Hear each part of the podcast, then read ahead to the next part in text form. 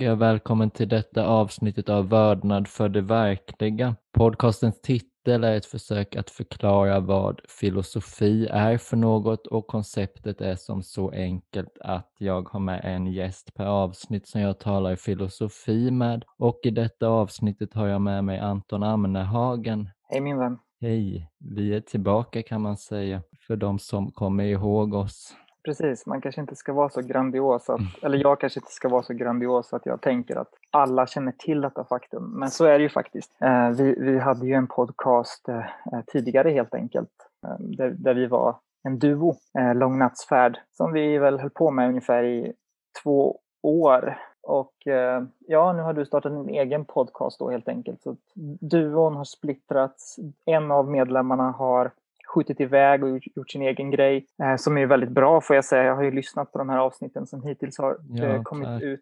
Så jag, jag, ser det ju lite som du vet Simon and Garfunkel. Liksom. eh, att jag är Garfunkel som, som står vid sidan då och tittar på när Paul Simon eh, gör sina sologrejer. Liksom, och nu är vi tillbaka får vi tro i någon ja. bemärkelse. Det ska bli spännande. Vi får se hur det här går. Det är ju som sagt två år sedan sist och nu är det ändå en annan, ett annat format. Nu är det ditt, din arena, så vi får se vad som sker. Ja, och jag brukar som du vet då öppna avsnitten med två frågor. Dels detta med filosofi då, då det ändå är det vi ska tala om så att vi är mm. på samma spår. Att, hur ser du på filosofi? Vad är det man håller på med egentligen? Mm.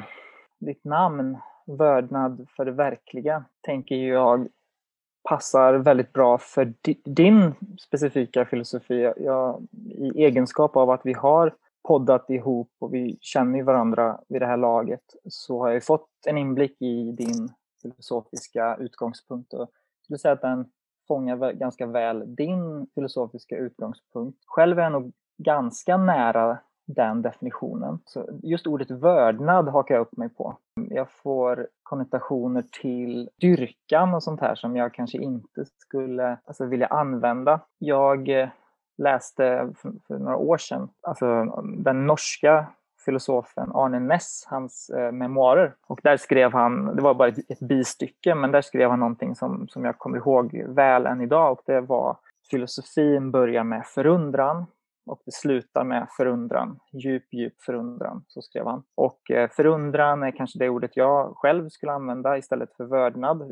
Det, var en semantisk sak, jag får bara liksom andra kopplingar av det ordet. Och eh, det anknyter också till en gammal insikt som jag har haft om filosofin som går tillbaks ända till den korta tid då jag läste filosofi på gymnasienivå och eh, man fick den här frågan, eller liksom man undersökte den här frågan, vad är filosofi? Och i läroboken då så kom de med ett exempel på vad en filosof är. Och då skrev de så här att eh, för det nyfödda barnet så är allting förunderligt. En, eh, en förälder eh, skramlar med ett knippe nycklar framför barnets nos och det här är fantastiskt. Det här är ett mirakel. Det är förunderligt att detta sker. Och så är det för barnet, men under vårt liv så tappar vi den här förmågan att se livet och varat ur, den, ur, den här, ur det här perspektivet. Det krävs mycket mer för att vi ska eh, ha den här förunderliga inställningen till vad livet är för någonting. Till exempel om en kollega eller en kompis som skulle börja levitera helt plötsligt i rummet och liksom lyfta från marken och sväva mitt i rummet. Då, då skulle vi få samma känsla, liksom, att oj, nu, vad förunderligt det här är, vad, vad, vilket mirakel som sker här nu. Boken sa också då att för barnet hade det dock inte varit någon skillnad på de här två sakerna. Mm. Alltså, ett knippe nycklar är lika förunderligt som om föräldern hade helt plötsligt leviterat i rummet. Och den här blicken på också det som kan tyckas vardagligt och som försvinner med vanor, slentrian, att liksom betrakta livet med den blicken som barnet gör, eh, det är att vara en filosof, det är att ha en filosofisk blick. Och det mm, tycker jag också var liksom en hjälpsam och eh, fin eh, beskrivning. Så att mm, en djup nyfikenhet, en förundran, eh, en vilja att gå till botten med saker och ting. Sen tänker jag också att man måste införa liksom eh, ett systematiskt tänkande i det här också. Att det måste ingå i ett system, ska försöka undvika motsägelser och så vidare. Ett försök att strukturera sitt tänkande. Och slutgiltigen skulle jag också bara säga att filosofi är som porr. Och eh, då syftar jag på, det finns något känt citat som jag inte kommer ihåg upphovsmannen till, men liksom, frågan var hur ska man särskilja porr och erotik? Eh, och då svarade den här personen att jag, vet vad som är vad när jag ser det. Och lite så är det väl med filosofi kanske, att jag vet vad det är när jag ser det. Mm. Jag tänker på det begreppet då, vördnad, att jag kan väl hålla med om det egentligen att det blir som någon form av dyrkan, men att det kanske är nödvändigt för att även fast sanningen är väldigt vacker så är det ingen garanti och man vet ju inte riktigt vad man kommer hitta så att säga. Så om det bara blir att det handlar om att det ska ge något konstruktivt eller positivt kan det ju vara lätt att man väljer av om det blir för obekvämt. Så på så sätt tänker jag att filosofin kräver egentligen en dogma och det är det att söka sanningen oavsett vad.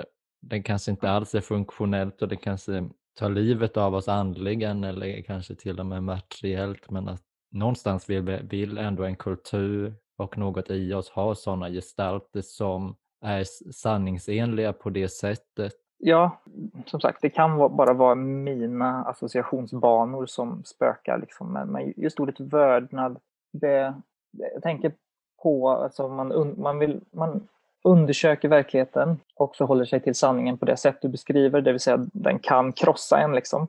Men om man undersöker så att säga ondska till exempel eller lidande, den här typen av negativa, destruktiva krafter som också hör till verkligheten. Känner man verkligen en vördnad inför det då? Det är liksom, jag, jag kan förundras över det och jag kan känna en nyfikenhet mot det, att undersöka det, att komma närmare det, att förstå det, att vara sanningsenlig. Men just jag känner inte en vördnad för det. Om du förstår vad jag menar. Ja. Det är egentligen min enda invändning. Ja, det kan jag absolut förstå. Och det är ju en ständig utmaning egentligen och det är väl, det är väl därför det, det nästan behövs något dogmatiskt i det, att ha kvar den här vördnaden hela tiden. Och jag tänker väl, väl mer att förundran kan gå förlorad om man ser, ser det som verkligen kan förgöra en. Att då vill man kanske inte veta så mycket mer om det men att vördnaden är något som går ännu djupare på något plan. Mm.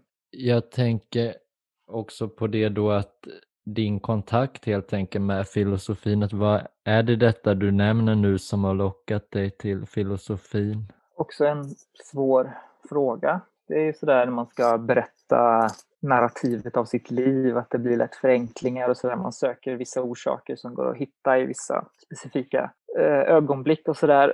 Och eh, nej, men jag har väl alltid varit just nyfiken och eh, lite, jag har också drag av liksom, besserwisserism.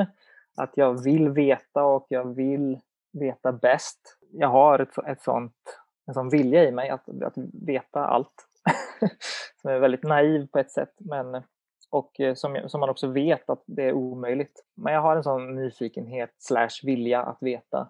I någon mån har jag väl alltid varit intresserad av den här typen av frågor. Sen har det gått via olika medium som jag kanske inte explicit har förstått som filosofi. Eh, först kanske som religion, som politik, som konst. Och eh, just filosofin explicit egentligen en ganska sen förälskelse och eh, eh den kom väl någonstans i 20-årsåldern, smög sig på och eh, jag skulle väl säga att så som jag ser tillbaks på just Långnattsfärd, den podcasten, så ser jag den som en väldigt spännande och eh, eh, intellektuellt stimulerande tid och jag kanske mer än tidigare verkligen gav mig hän till den här typen av frågor och intressen. Så att, eh, det är en svår fråga men eh, där någonstans har vi svaret så att säga.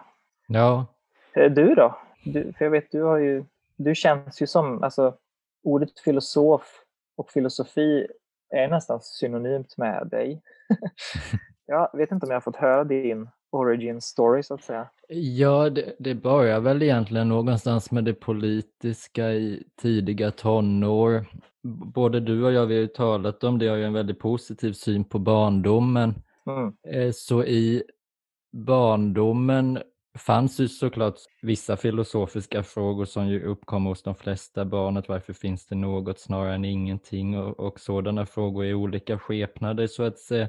Mm. Men, men aldrig som jag kunde uppleva senare som någon form av att det var något hotfullt över frågorna eller så, utan mer det du beskrev här inledningsvis, att det var just en naiv nyfikenhet. Men sedan i tidiga tonåren så drabbades jag väl av någon form av nihilism i den här upptäckten i att den värld man så givet har ingått i, att den har egentligen inte svar på viktiga frågor och det är väldigt många fundamentala aspekter i den som är så otroligt fel verkligen. Och i den här misstron till, till kulturen och samhället fick jag den här lockelsen till att börja med till politisk filosofi då att hur kan man förändra detta och, mm. och att det faktiskt är möjligt så att säga. Och sedan var det när jag var 16-17 där någonstans jag mer kom in på de här metafysiska eh, frågorna och började inse hur tänkandet hänger ihop mycket mer och här kom jag också in på andra konstformer då som film och liknande och fann just något från, från barndomens nyfikenhet i, i den konstnärliga nyfikenheten att faktiskt kunna finna svar på frågor och kunna förundras över hur verkligheten är beskaffad. Så jag ser ju konst överlag mycket på det sättet med som någon, något substitut för barndomsupplevelser som har gått förlorade och att det går att återupprätta något nytt ur dem. Och däromkring, eh, när jag var något äldre, började jag också läsa de, de, många av de här stora filosofiska verken då och fann det väldigt fascinerande överlag, för det är ju inte något man hör talas om tycker jag så mycket i kulturen, i alla fall inte den svenska, att det, det faktiskt finns väldigt många böcker som handlar om de här basala frågorna som vi någonstans måste ha svar på för att kunna tänka kring andra frågor. Det blir som en, en, en hemlig gemenskap sådär för, alltså, som, som finns eh, lite undanskuffad. Jag kan till exempel, jag har ju som sagt på gymnasiet just, då läste jag ju som jag sa filosofi, alltså på gymnasiekurs, men jag minns ingenting från den kursen, alltså bokstavligt talat ingenting förutom den här inledningen i eh, ämnesboken som jag precis sa. Det är ju väldigt eh, undanskuffat. Och även om det kan finnas filosofiska frågor så, så kanske det inte jätteofta heller explicit uttrycks som filosofi utan det liksom ligger som en under en underliggande premiss eller sådär. Men det jag tänker på det här som du säger med nihilism och sådär, för det är ju en klassisk grej som, som drabbar många tonåringar eller så, alltså just den här man ska vara lite stereotyp, alltså att man, man blir mer ångestfylld och man, ja, just att, att nihilismen följer då. Just den riktningen har jag aldrig haft, vilket jag har funderat en del på, för jag har ju en del bekanta som är i liksom grunden ganska nihilistiska. De måste hela tiden övervinna nihilismen. Eller så bejakar de den. Men det, det har jag aldrig haft, någon nihilism egentligen. Jag vet inte vad det beror på. Det, det, är samma som i diskussioner om hur samhället är förjävligt och samtiden är liksom fördärvad och förfallen och allting. Så hänfaller jag aldrig åt misantropi. Jag har någon grundläggande optimism i mig på något vis. Som jag inte riktigt vet exakt var den kommer ifrån. Men liksom, människan är inte hopplös. Människan är inte... Man kan liksom, eller jag, jag kan inte så döma ut människan även om jag kan se de här stora felen i vår historia och vårt samhälle och, och, och sådär. Det är väldigt lätt att argumentera för en sån misantropisk, nihilistisk syn. Men det ligger liksom inte för mig, vilket är, ja, jag vet inte vad det beror på, men det är något jag har noterat. Ja, det är något jag har märkt mm, genom åren när vi diskuterat olika saker, att det inte finns där och jag tänker vi har talat en del om frågor om fri vilja och så och mm. där har vi ju ganska lik syn och, och, det har nog varit en väg för mig också och faktiskt att om människan inte riktigt har den här fria viljan så går det ju inte riktigt att klandra henne som vi, vi gärna har en benägenhet till. Jag vet inte om det är ett, ett ämne som passar för alltså det som vi har tänkt att diskutera idag. Men, men just det här med fri vilja är ändå ett ämne som jag, de filosofiska positioner som jag har omvärderat under de senaste två åren då, sen vi la ner podcasten och det var ju att jag identifierade mig som determinist och det gör jag väl fortfarande till viss del men jag skulle ändå säga att den har fundamentalt ändrat karaktär hur jag ser på detta, till exempel hur jag ser på fri vilja. Jag tror fortfarande inte på det som kallas libertariansk fri vilja, det vill säga någon slags, jag vet inte hur man ska beskriva det riktigt, men det är ju en, en helt så här, oberoende kraft på något vis. Lite, jag ser det, det är lite motsvarigheten till att men, ta, tag i, alltså, ta tag i sin, egna, sin egen byxmynning och rycka upp sig liksom och lyfta sig själv på något vis. Och då har jag ju tänkt liksom att ja, det där tror jag ju såklart inte på och jag har varit väldigt övertygad av det här med orsak-verkan, eh, kausala samband bakåt och så vidare. Eh, sen så var det att jag stötte på en eh, filosof eh, som, eh, jag tror det var att han, eh, Casanus, och eh, han, han definierar, eller han, han har ett, en begreppsapparat för att förstå, för liksom när vi försöker förstå verkligheten så eh, vi, vi har verkligheten framför oss och sen så använder vi oss av ett, en viss begreppsapparat för att liksom förstå den, att dela in den i kategorier som vi kan förstå eh, och hur allt det här hänger ihop. Och, och, just att det är ganska väsentligt för oss vilken begreppsapparat vi använder för att förstå verkligheten. Till exempel om vi bara har en förståelse om orsaker och verkan och så tittar vi på verkligheten, ja då kommer vi också bara hitta orsaker och verkan så att säga. Men det Casanus eh, sa då var att eh, det finns inte bara eh, orsaker och verkan, det, det, finns också det som han kallar för principer. Och det här handlar ju egentligen ganska mycket om vilken blick man har på världen helt enkelt. Alltså det, verkligheten är ju kvar så som den är, men just blicken och begreppsapparaten, att förstå den kan ändå så att säga ge oss en annan tillgång till, en djupare förståelse till vad det, det handlar om. Och han, det han säger är helt enkelt att en princip är ingenting som kommer utifrån på det sättet som en orsak gör. Alltså en orsak ses ju ofta som något utanför oss själva, något som vi inte har kontroll över eh, och därför så försvinner frihet och så vidare. Därför att ja, det är bara en massa orsaker, även om de är biologiska, de kommer från min hjärna och så vidare, så jag kan inte styra mina kemiska processer och så vidare i hjärnan så att de här orsakerna är ändå utanför mig själv. Men en princip då förblir inom varelsen. Principen är liksom inneboende medan orsaken är yttre. Jag vet att du kanske, du har, jag vet inte hur du förhåller dig till just det här exemplet, men alltså en stens rörelser till exempel, om en sten rör på sig, då beror det på yttre orsaker. Den har inga inre principer, medan en levande kropp styrs av inre principer när den sätter sig själv i rörelse. Och det här är egentligen ja, en annan förståelse för vad, vad, det, vad, vad det levande är. Och eh, ett exempel som används då är om man tittar på en fågel exempelvis.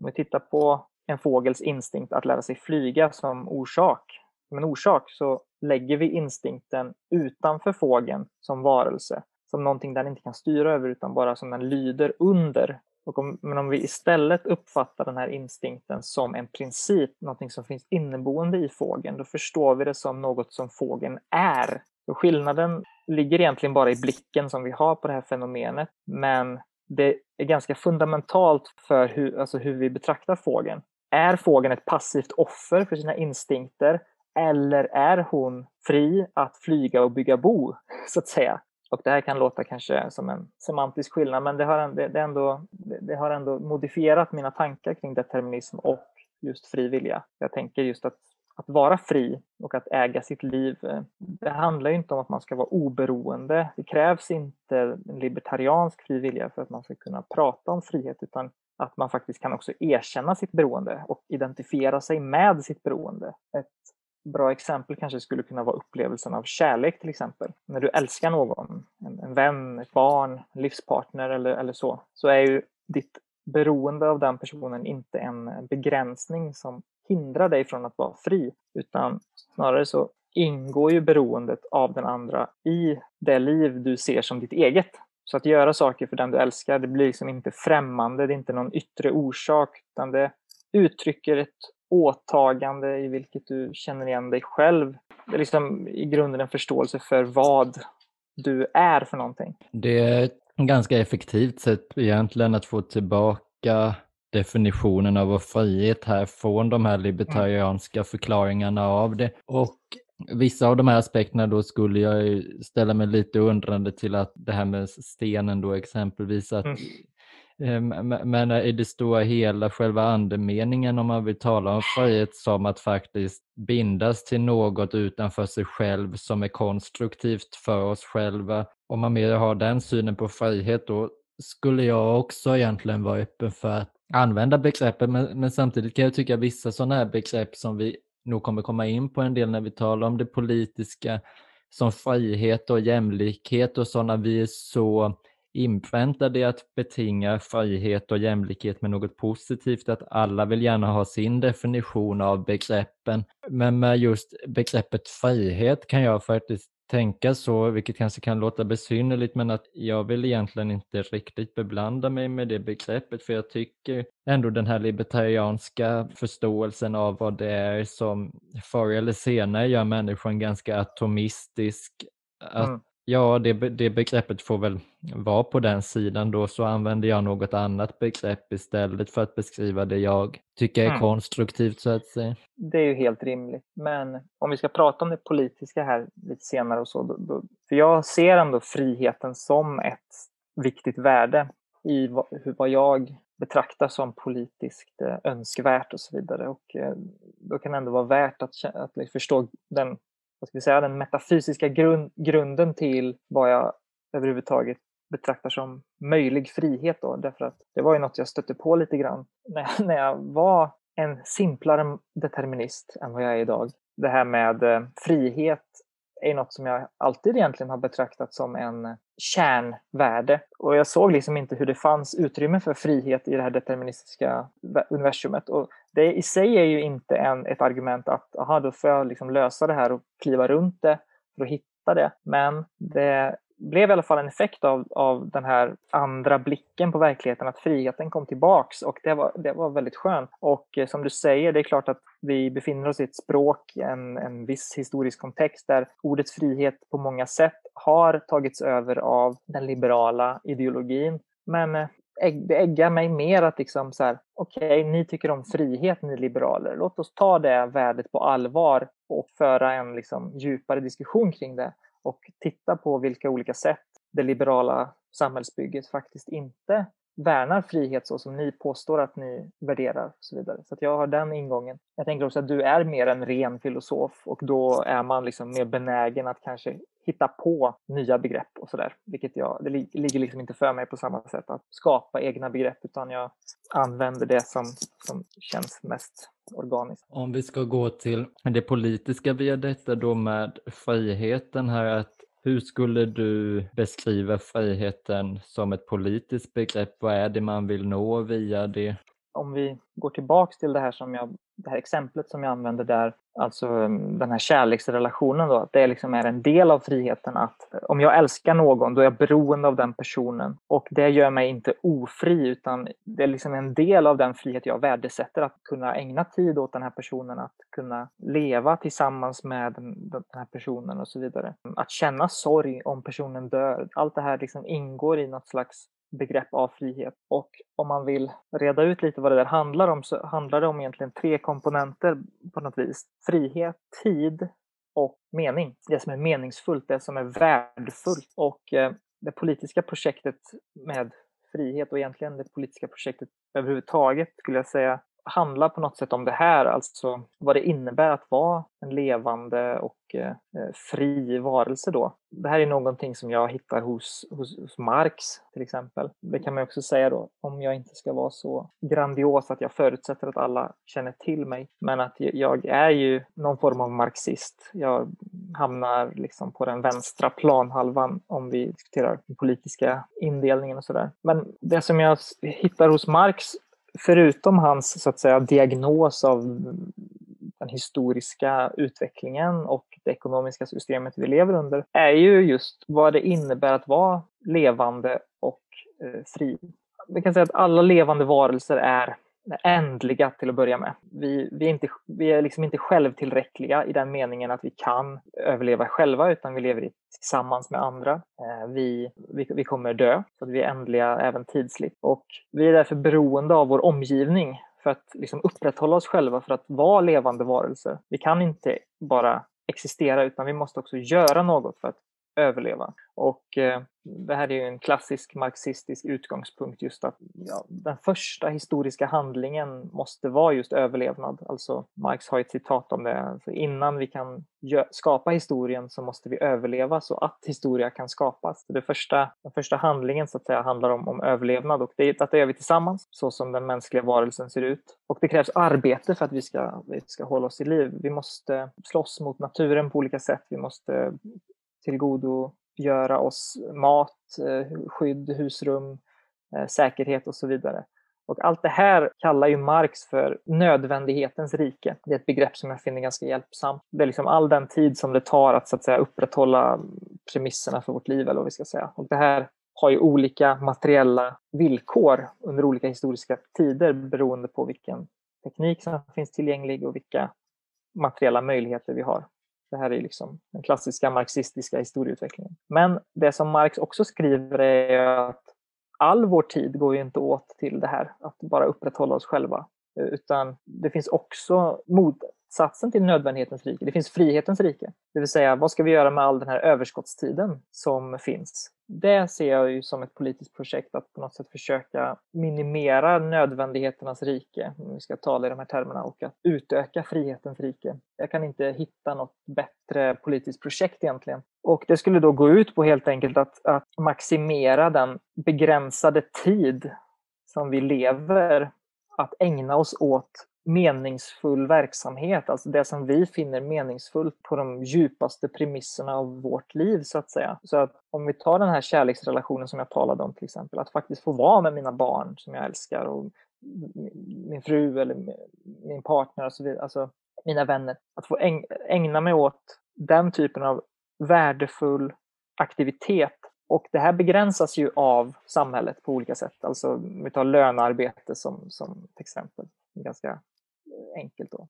Ett alienerat lönearbete som tar ifrån oss stora delar av livet. Där vi hade kunnat umgås med nära och kära, pysslat i trädgården eller funderat över rätt och fel och allt sånt där. Va? Och jag, ser väl en väldigt, jag har en väldigt, väldigt kritik mot kapitalismen och liberalismen på det sättet att jag tycker väl att det här, liksom, det här samhället, det duger inte. Det hade kunnat vara så mycket bättre. Vi har alla möjligheter att göra det bättre, men, men det bygger på fel värderingar. Som jag ser den, alltså Marx han beskrivs ju ofta som en, han vill ju själv kalla det för vetenskaplig socialism och så vidare, liksom i motsats till en utopisk socialist, socialism, vilket av många, tycker jag, har uppfattats som att Marx inte ägnar sig åt värderingar och etik och så vidare. Men det tycker jag finns en, en grundläggande etik i Marx och det är just, det är just detta att eh, det skulle kunna vara bättre det är värden som faktiskt måste ändras. Nu menar ju han att värden kan inte bara ändras hux flux, det måste ske i liksom en klasskamp och man måste ändra samhällets sociala organisation för att det här ska kunna ske. Men just att man, vi ska inte värdera tillväxt som det högsta goda, eh, effektivitet, eh, jobba för jobbets skull och så vidare. Olika typer av grundläggande värderingar vill jag se omformuleras till att bli mer mänskliga. Att människan ska ses som ett ändamål i sig själv, inte som ett medel att... Punkt, punkt, punkt. Fick du svar där? ja, absolut. Jag tänker på, med Marx, jag instämmer helt i detta med etiken och det är en ganska besynnerlig sak i hur marxismen har utvecklats, att det skulle vara, vara något som inte riktigt finns där, eller jag, jag ser inte hur det skulle vara möjligt. Jag ser inte hur det är möjligt med politik utan etik helt enkelt. Jag håller helt med, och, men man kan ju säga att marxismen överlag kantas av diverse missuppfattningar och eh, vulgaris vulgariseringar. Det finns många missförstånd vad gäller detta. Men eh, du pratar om det här med politik och etik. Ska, ska vi gå ett steg tillbaks och ställa den här frågan, vad är politik eller hur ser vi på Ja, det tycker jag. Ehm, jag har tänkt på det här med, med det som att det egentligen som så mycket annat består av två komponenter och jag tänker mm. att politiken till sitt väsen egentligen är väldigt emotionell för jag tänker att den första punkten är just att man är besviken över hur tillvaron ser ut så som det du mm. nämnde här, exempelvis man kanske är besviken på att vi arbetar så mycket och jag inte lever våra liv fullt ut. Och sedan också den här tron då om att detta går att förändras. Man har ändå en förhoppning om att tillvaron behöver inte se ut på detta sättet. Det ryms något mer i människan eller det ryms något mer ja. i världen än det vi har framför oss, vilket ju är en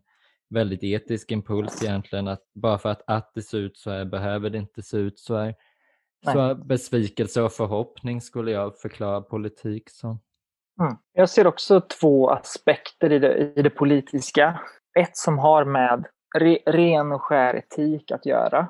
Jag har förstått det som att Aristoteles är den som först utformar en etik. Och, och den skriver han väl om i den bok som heter Den nikomarkiska etiken, hur man uttalar det. Om man tänker på vad etik är för någonting så handlar det om vad som är rätt helt enkelt. Det goda, det, det rätta. Och Aristoteles då som var först att utarbeta en sån här lära om det högsta goda eller det högsta rätta. Han såg ju det redan som en del av det politiska livet, så att säga ett socialt fenomen. Och, och den här boken då, den nikomakiska etiken, den har förstått den är väl som en sorts utvidgad inledning egentligen till hans större verk som heter just politiken. Och på så sätt kan man också prata om att etiken handlar om rätt förhållningssätt till, till andra människor, om våra reaktioner på deras handlingar, om vårt samarbete med dem. Och därför är liksom etiken en fråga om politik på något sätt. Alltså det är samma sak, eller i alla fall det kollektiva, den kollektiva etiken kanske man ska säga.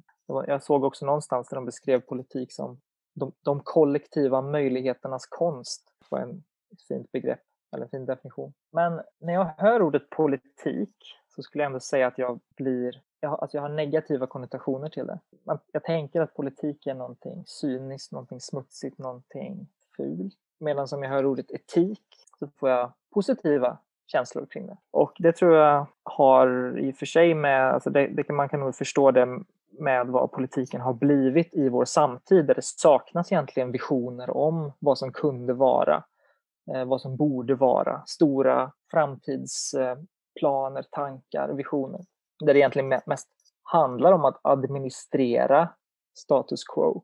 Och det är inte särskilt inspirerande. Även med liksom stora, en stor grad av korruption och, och lömskt beteende och sådär. Så det är klart, men politik behöver inte vara allt det där. Det har den här etiska dimensionen, det borde ha den här etiska dimensionen och på så sätt så är det ju en extremt viktig aspekt av det mänskliga livet. Men jag skulle också vilja lägga till en aspekt av det politiska och det här har jag faktiskt hittat hos den nazistiska juristen Carl Schmitt. Han var verksam i den här miljön 20, 30-tal, 40-tal alltså kring det nazistiska partiet i då Weimarrepubliken först och sen i Nazityskland ihop med eh, figurer som Ernst Jünger och kanske också Heidegger till en viss del. Men Carl Schmitt var som sagt jurist till en början. Han, jag tror han hade ambition om att bli den alltså han ville liksom bli chefsideolog i nazistpartiet. Han hade det som ambition. Sådär. Och han har faktiskt skrivit en briljant, enligt mig, definition på vad det politiska är för någonting.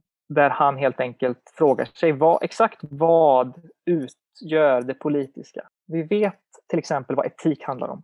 Det handlar om rätt och fel. Vi vet vad estetik handlar om. Det handlar om fult och vackert. Vi vet vad ekonomi handlar om. Det handlar om effektivitet och icke-effektivitet. Men vad handlar det politiska om? Vilka begrepp är det som så att säga bestämmer det politiska?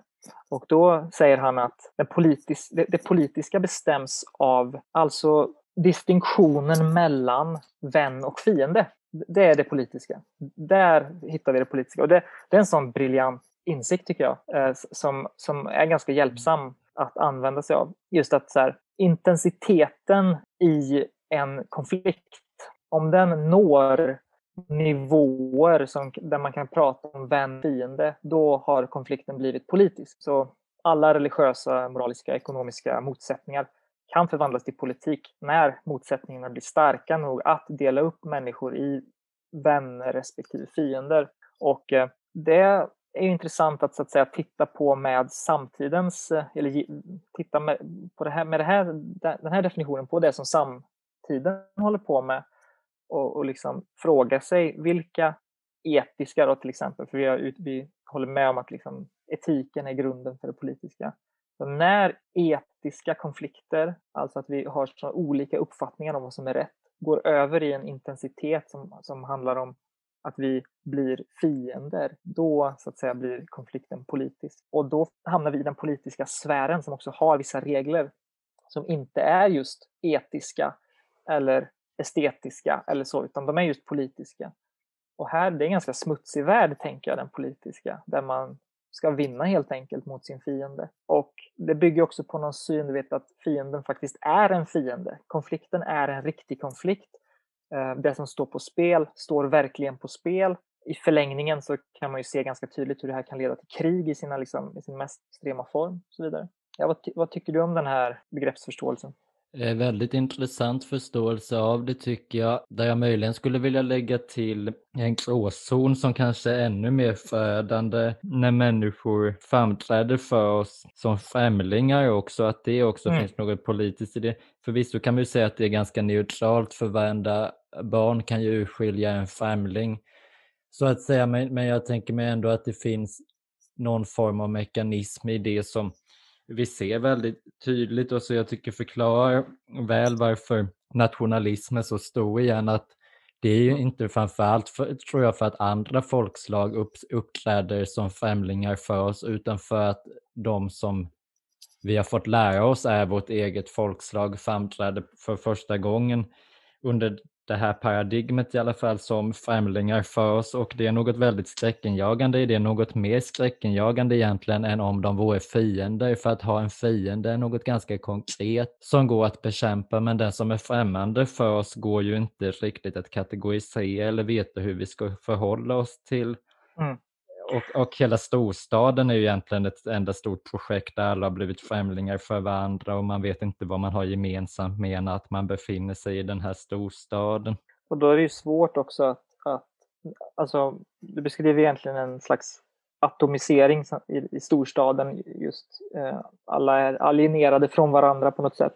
Det finns inget kollektiv eller så. Och då är det ju svårt kanske att också peka ut gemensamma fiender om man inte har den här känslan av vem som är vän, vän också.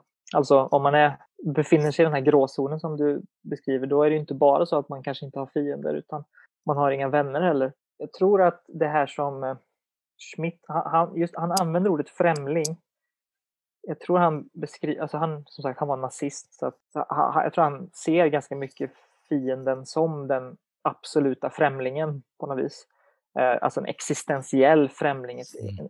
en, en, en ultima, alltså metafysisk fiende. Så. Man behöver inte ta med sig allt eh, Schmidts tankegods, så att säga, men, men just, just den här insikten om att det är en äkta konflikt och att den faktiskt delar in människor i fiender och vänner och att jag tänker på alltså hur liberalismen gör detta och även i viss mån alltså de politiska strömningar som jag mer identifierar mig med, socialism eller kommunism och så vidare. Det har ju ett väldigt universalistiskt eh, eh, anspråk.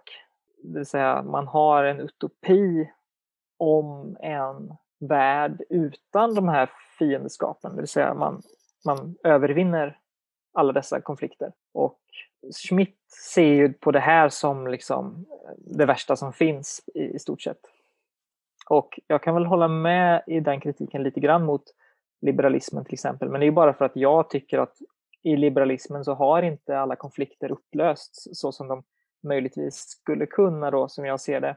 Jag tänker just i, i liberalismen hur man, alltså en ideologisk fiende till exempel, en intellektuell fiende blir ingen fiende utan en debattpartner. En eh, ekonomisk fiende blir inte en fiende utan en konkurrent och så vidare. Alltså man, man om skapar de politiska kategorierna i liberalismen till att eh, slipa ner tänderna, eller vad man ska säga, på, på det politiska odjuret.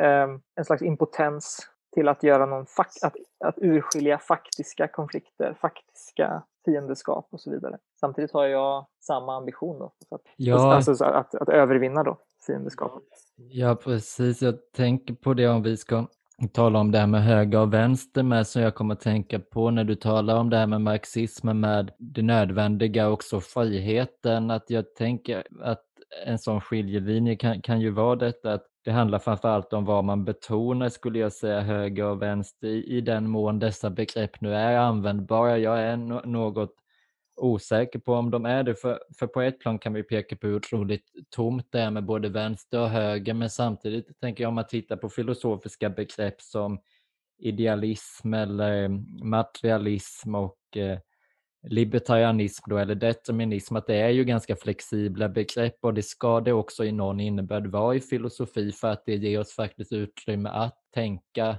med begreppen snarare än att begreppen är färdiga en gång för alla. Så jag har ändå mm. någonstans svårt att totalt överge det här med höger och vänster, men samtidigt att man får vara medveten om att det blir ju ganska tillspetsat när man ska definiera det, men jag tänker i alla fall att höger kan, kan mycket handlar om det, det som faktiskt är nödvändigt, att hur kan vi binda oss till det som är nödvändigt och att man kanske då kan se fiende och vän som nödvändig kategorisering och hur kan vi på bästa tänkbara sätt förbinda oss med våra vänner och det som är gemensamt för våra vänner då gällande nationalism, eh, hur, hur, kan vi ta del av en tradition och en viss hierarki att bygga upp det här och mer liberalt om man också räknar det till höger, hur kan vi förbindas till det som är nödvändigt för vår överlevnad, att det inte är ett problem det här, den här nödvändigheten att vi eh, kanske måste lägga ner eh, långt över halva vår vakna tid på vår överlevnad. Det, det ses inte som ett problem utan snarare hur ska, ska vi kunna få ännu fler människor att också lägga ner sin tid på det som är nödvändigt. Sedan, kan man ju, sedan är det ju naturligtvis inte nödvändigt mycket av det som sker, men det är ändå själva föreställningen att ett lönearbete kan tillfredsställa det här behovet av att faktiskt vara nödvändig någonstans, att känna att man deltar i. Ehm, medan vänster är mer det du nämnde med, med ja.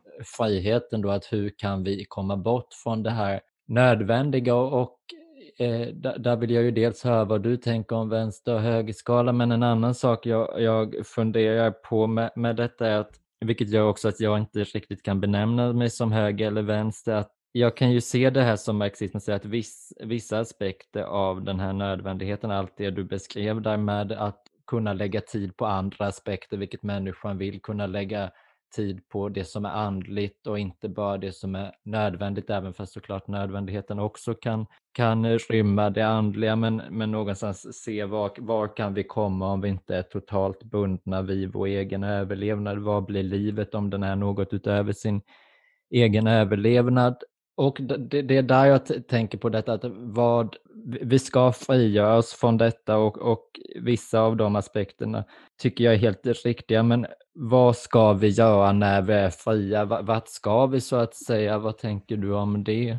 På något sätt så kanske den frågan för, förutsätter återigen att det finns något slutmål som man via friheten ska liksom ta vägen igenom friheten och nå detta målet. Liksom, vad, vad, vart tar detta oss? Alltså det, det, finns ju många olika sätt att definiera vad den mänskliga naturen är eller vad den mänskliga artegenskapen skulle vara. Eller egenskaperna kanske. Men jag tänker att eh, en viktig aspekt åtminstone är dels då som sagt att vi kommer dö, att alltså vår tid är begränsad. Så att det är liksom en viktig utgångspunkt, men också det här att vi faktiskt kan ställa oss existentiella frågor om vad vi bör göra. Vad kan vi göra? Vad borde vi göra? Det här är väl ett, en sån sak som Heidegger lyfter upp och det är väl grunden till existentialismen egentligen. Men även någonting som Marx då betonar och eh, även Spinoza, många andra säkert. Men där, där alltså, för jag ser någonstans att människan lever redan i en meningsfull värld. Alltså det är lite vad det är att vara människa. Ehm, vi har saker som vi bryr oss om. Vi har saker som är värdefulla för oss, meningsfulla. Och de här sakerna betraktar vi inte som medel att komma någonstans. Det är bara den värld vi är i, eller som vi lever i. Och de är som sagt ändamål i sig själva. Så att kanske då att svaret är vart ska den här friheten ta oss är liksom meningsfulla liv då. Det är väl det som finns i slutet av regnbågen så att säga. Eh, eller mer meningsfulla liv. Om vi pratar om det här med vänster-höger så tänker jag också att en viktig aspekt i det är ju för vem? Därför att jag ser ju vänster-höger-skalan som stort sett en skala som där vi till höger har hierarki framför allt, eller eh, en slags alltså där man ser hierarki som någonting givet på olika sätt. Medan till vänster så ser man jämlikhet som idealet. Eh, och det här är ju en, eh, alltså två idealtyper om vi säger så. Det, det, det går inte att reducera dem kanske enbart till hierarki och jämlikhet, men det är ändå den så att säga, mest hjälpsamma eh, förståelsen jag har av det här begreppet, eh, av vänster-högerskalan. Och vi kan ju bara kort nämna bakgrunden till att vi överhuvudtaget använder den här skalan. Det vill säga franska revolutionen då, när liksom upplysningens ideal slår igenom. Och eh, eh, ja, de, de, kan väl, om vi ska sammanfatta dem lite kort, alltså själva franska revolutionen har ju de här tre slagorden, frihet, jämlikhet, broderskap. Och om vi ska snabbt definiera vad upplysningen handlar om så tänker jag att den har två aspekter framför allt. Dels tron på det mänskliga förnuftet, att vi kan skapa något bättre och en framtidstro. Att det finns en, en, en framåt-tro och en tro på mänsklighetens förnuftiga förmåga så att säga. Eh, ja, det som sker då efter franska revolutionen är just att, att de politiska partierna delar in sig helt enkelt i kammaren och de, de radikala som är för de här nya idealen och vill att säga, förändra samhället, öppna upp det, bryta de gamla eh, traditionerna som, som har vissa hierarkier etablerade.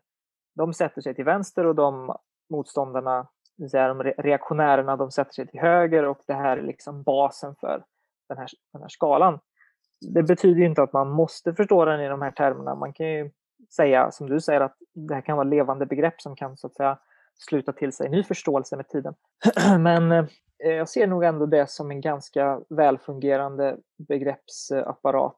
Hur ställer man sig till jämlikhet kontra hierarki? Och då är ju båda de här begreppen så att säga värdeneutrala, eller liksom hierarki är ju inte något negativt för en högerperson utan det är ju så att säga något gott och eh, ett, eh, något som kanske inte går att komma undan och så vidare. Och sen tänker jag ju alltid att den här skalan är såklart relativ. Så jag skulle inte nödvändigtvis kalla en liberal för att tillhöra högern, utan jag tänker att alltså, eh, för en socialist som befinner sig längre ut till vänster, det vill säga de vill se en djupare jämlikhet än vad liberalerna ser, för liberalerna tror någonstans på meritokrati, det vill säga en ojämlikhet som eh, motiveras av personliga val, egenskaper, förmågan att ta sig någonstans och så vidare. Medan socialisten i större utsträckning vill, alltså ser meritokratin som ett problem, i, alltså att eh, meritokratin är ingen neutral, eh, neutralt fenomen utan det skapas av den materiella basen i samhället.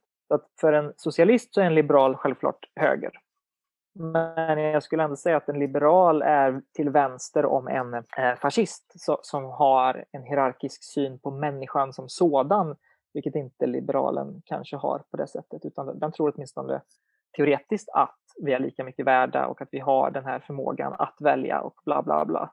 Ja, det är väl här med franska revolutionen jag får en del problem med den definitionen, för jag tycker den i någon bemärkelse är för dialektisk, alltså i den bemärkelsen att Hegel talar ju om att vi hela tiden går framåt. Han har den här mm. idén om att vi utvecklas och då blir det ju naturligt att feodalismen st står i det här perspektivet någonstans närmare ett ojämlikt samhälle än vad kapitalismen gör. Och även fast det var bilden någonstans som spreds eh, Eh, via tryckpressen då under franska revolutionen, om man ändå såg det som det här, man hade de här filosoferna som talade om jämlikheten som ett ideal, så menar jag ändå att de som faktiskt tjänade på revolutionen och att det ändå var en borgerlig revolution var ju just den borgerliga klassen och sedan har vi nu med facit i hand, vilket ju på ett sätt är svårt att, att titta, titta med för de var inte medvetna om det, men jag tror ändå inte riktigt man ska underskatta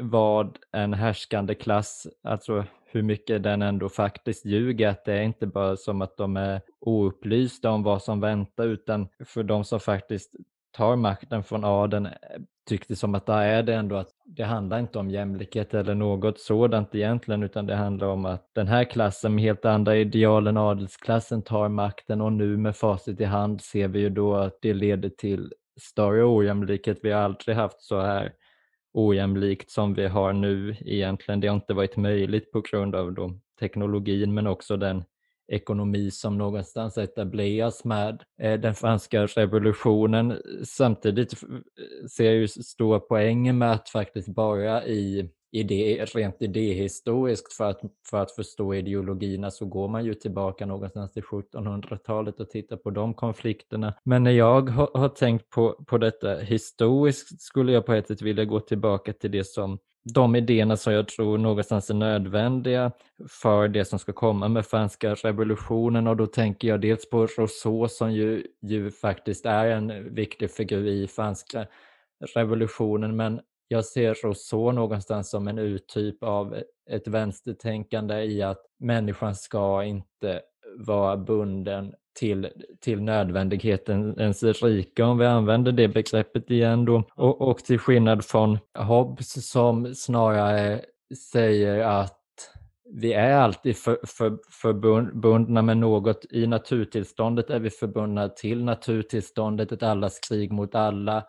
Och nu ska vi istället förbindas till det här monstret som staten är. Han är ju väldigt tydlig med att staten är ett monster, men det är bättre att vara förbunden med, med detta monster än att vara förbunden med det monstruösa som naturen utgör någonstans. Mm.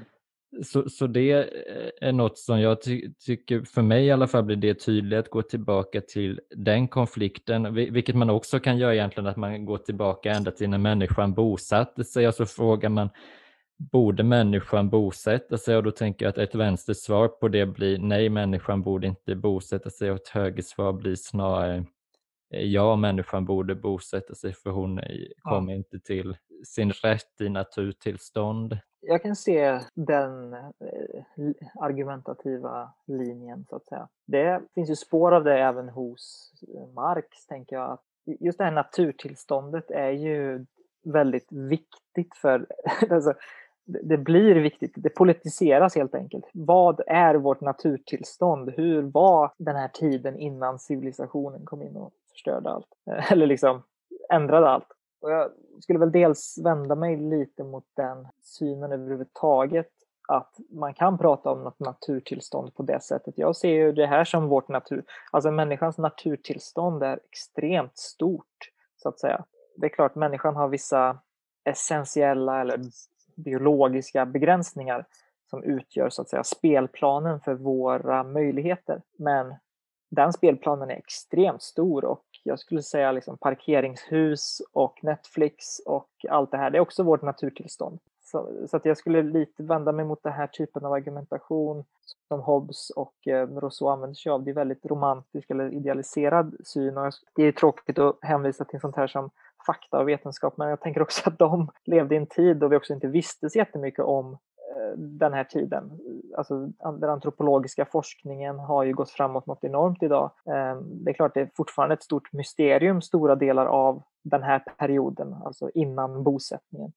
Men vi kan ju säga helt enkelt att Hobbes har ju fel. Det var inget allas krig mot alla. Det var liksom flocksamhällen och, och, och Marx eh, i sin jag sa ju att han, jag kan se ett spår av det här hos honom. Han ser ju den historiska utvecklingen i faser, eller vad vi ska säga, samhällen. Och den första, det första samhället är ju det han kallar primitiv kommunism. Och det är ju de här flocksamhällena, det vill säga där en radikal jämlikhet råder i dessa flocker. Det finns inga klasskillnader i flocken. Det kan finnas hierarkier eh, som är sociala eller, eller som, alltså, någon är liksom coolare än den andra och så vidare. Någon är en bättre jägare än någon större och starkare och så vidare. Den typen av hierarkier är eh, ju ofrånkomliga, tänker jag. Men just klassmotsättningar fanns inte. Det fanns inte olika klasser. Och sen så går vi in i civilisationen och det kallas ju i marxismen för liksom slavsamhällenas tid sen feodalismen och sen kapitalismen. Här tänker jag att vi kanske skiljer oss åt i synen på upplysning och så vidare, för jag ser mig ju som en anhängare till upplysningen. Alltså en, jag tänker i upplysningens tradition och det gjorde ju även Marx och eh, han såg ju kapitalismen som en att inneha liksom en extrem potential som spränger sönder de feodala eh, institutionerna och, frigör en väldig massa produktionskraft och så vidare som i sin tur faktiskt lägger basen för att göra det möjligt att ta sig vidare till ett socialistiskt samhälle. Så, så Marx ser ju med, alltså han är imponerad av kapitalismen på många sätt. Man läser Kapitalet och så vidare så berömmer han ju kapitalismens eh, förmågor på många sätt. Men att det här är liksom inte tillräckligt. Det här är inte det sista steget utan vi kan ta oss vidare, vi kan fortsätta tänka, eh, drömma. Vi, behöver liksom inte stanna här, historien har inte tagit slut här, den, den ska fortsätta. Och eh, denna fortsättning är ju såklart öppen exakt vad den kan innebära men det, det, socialistiska, det kommunistiska, någonstans där drömmer man ju om det så att säga. Ja, precis. Jag tror det är en riktig utpekad skiljelinje mellan oss där. För, och det går ju också tillbaka till det dialektiska att jag tror inte att vi är närmare något kommunistiskt tillstånd idag än vad man var under feodalismen. Jag tror snarare tvärtom att vi är mer avlägsna från det på grund av den otroliga teknologi vi har byggt upp och dessutom något som ju har funnits i princip alla kulturer från och med att klassamhället uppkommer på det sättet du beskriver är ju eh, människor som har revolutionär potential och därför skulle jag tro att en marxist uppskattar borgaren i ett adelssamhälle. Där är egentligen marxisten på borgarens sida framför mm. adelsmannen. Och sedan blir den då på, naturligtvis på proletärens sida för att proletären innehar den här revolutionära potentialen och, och mm. i, i, den här definitionen av proletären som någon som säljer sin, sin arbetskraft till den som äger produktionsmedel för sin överlevnad så är ju faktiskt proletären ett mycket väsentligt begrepp vill jag verkligen betona för den kritiken mot marxismen som ju ofta kommer som skenbart kan tyckas riktig att det, det, finns inte proletärer på det sättet men, men det var ju inte riktigt så de definierades då.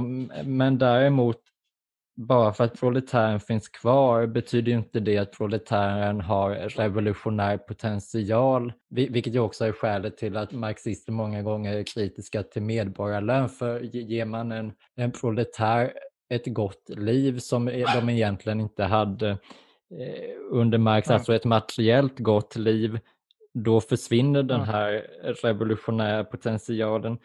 Och det är här jag tycker vänstern någonstans eh, sedan omkring 50 år tillbaka har eh, tappat det, eller i alla fall tappat mig för att eh, där blir det antingen tycker jag att marxister, eller i den mån man kan tala om marxister, det jag kanske får tala i bara den svepande bemärkelsen vänstern, men att man antingen låtsas om att den där revolutionära potentialen finns kvar bara för att flertalet människor säljer sin arbetskraft det är det ena problemet, men det andra är, och det kanske ur ett marxistiskt perspektiv kan låta väldigt överdramatiskt och romantiskt någonstans, att om, vi också går tillbaka till den här definitionen med politik som att urskilja vän och fiende, att ja, då kanske marxisten får överge i alla fall den västerländska proletären och titta på de som får västerlandet att gå runt, för Mm. är ju aktuell i andra delar av världen och då får man väl förlita sig på deras revolutionära potential istället. Men då blir någonstans min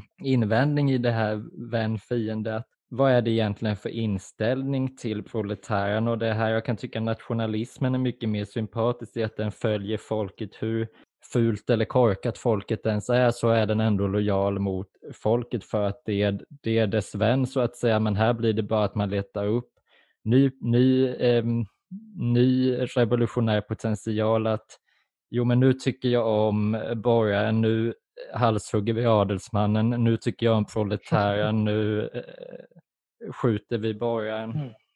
Eh, vad, vad, tänker du om det? Mm. Jag, jag, förstår vad du menar. Jag tänker några olika saker om det.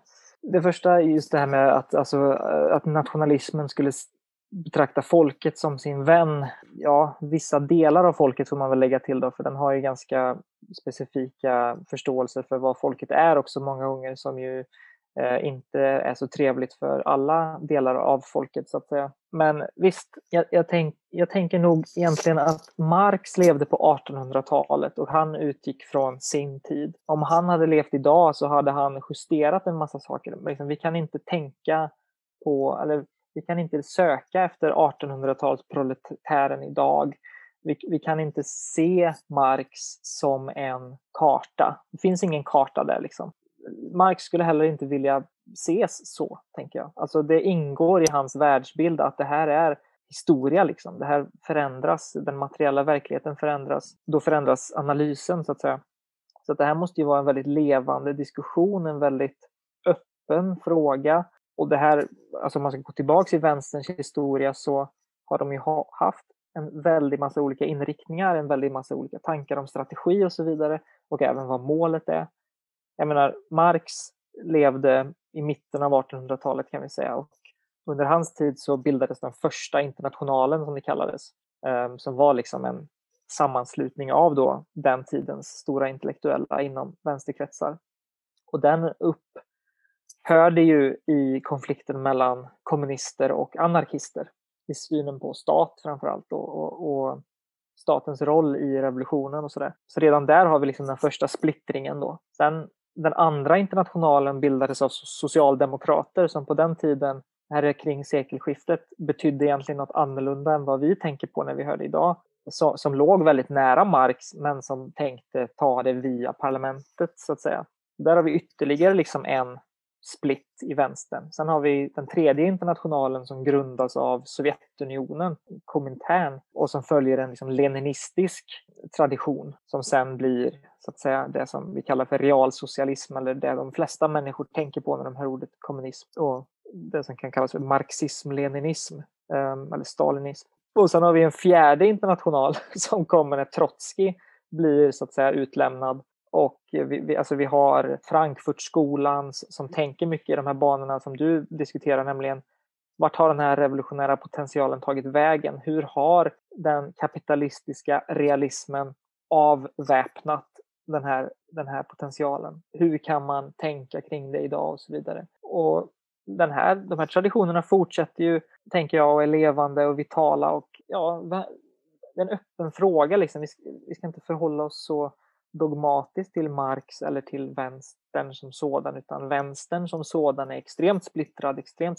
eh, mångfacetterad. Eh, I, i, idag så eh, är den, skulle jag nog säga, som du beskriver också, den är ganska svag idag. Den, den har inte sitt, sin bästa tid. Men en sån här sak som medborgarlön då till exempel. Det, om man är en dogmatisk marxist då, då, kanske man skulle säga så som du säger att ja, att införa medborgarlön det skulle innebära att ja, den här revolutionära potentialen försvinner helt och hållet.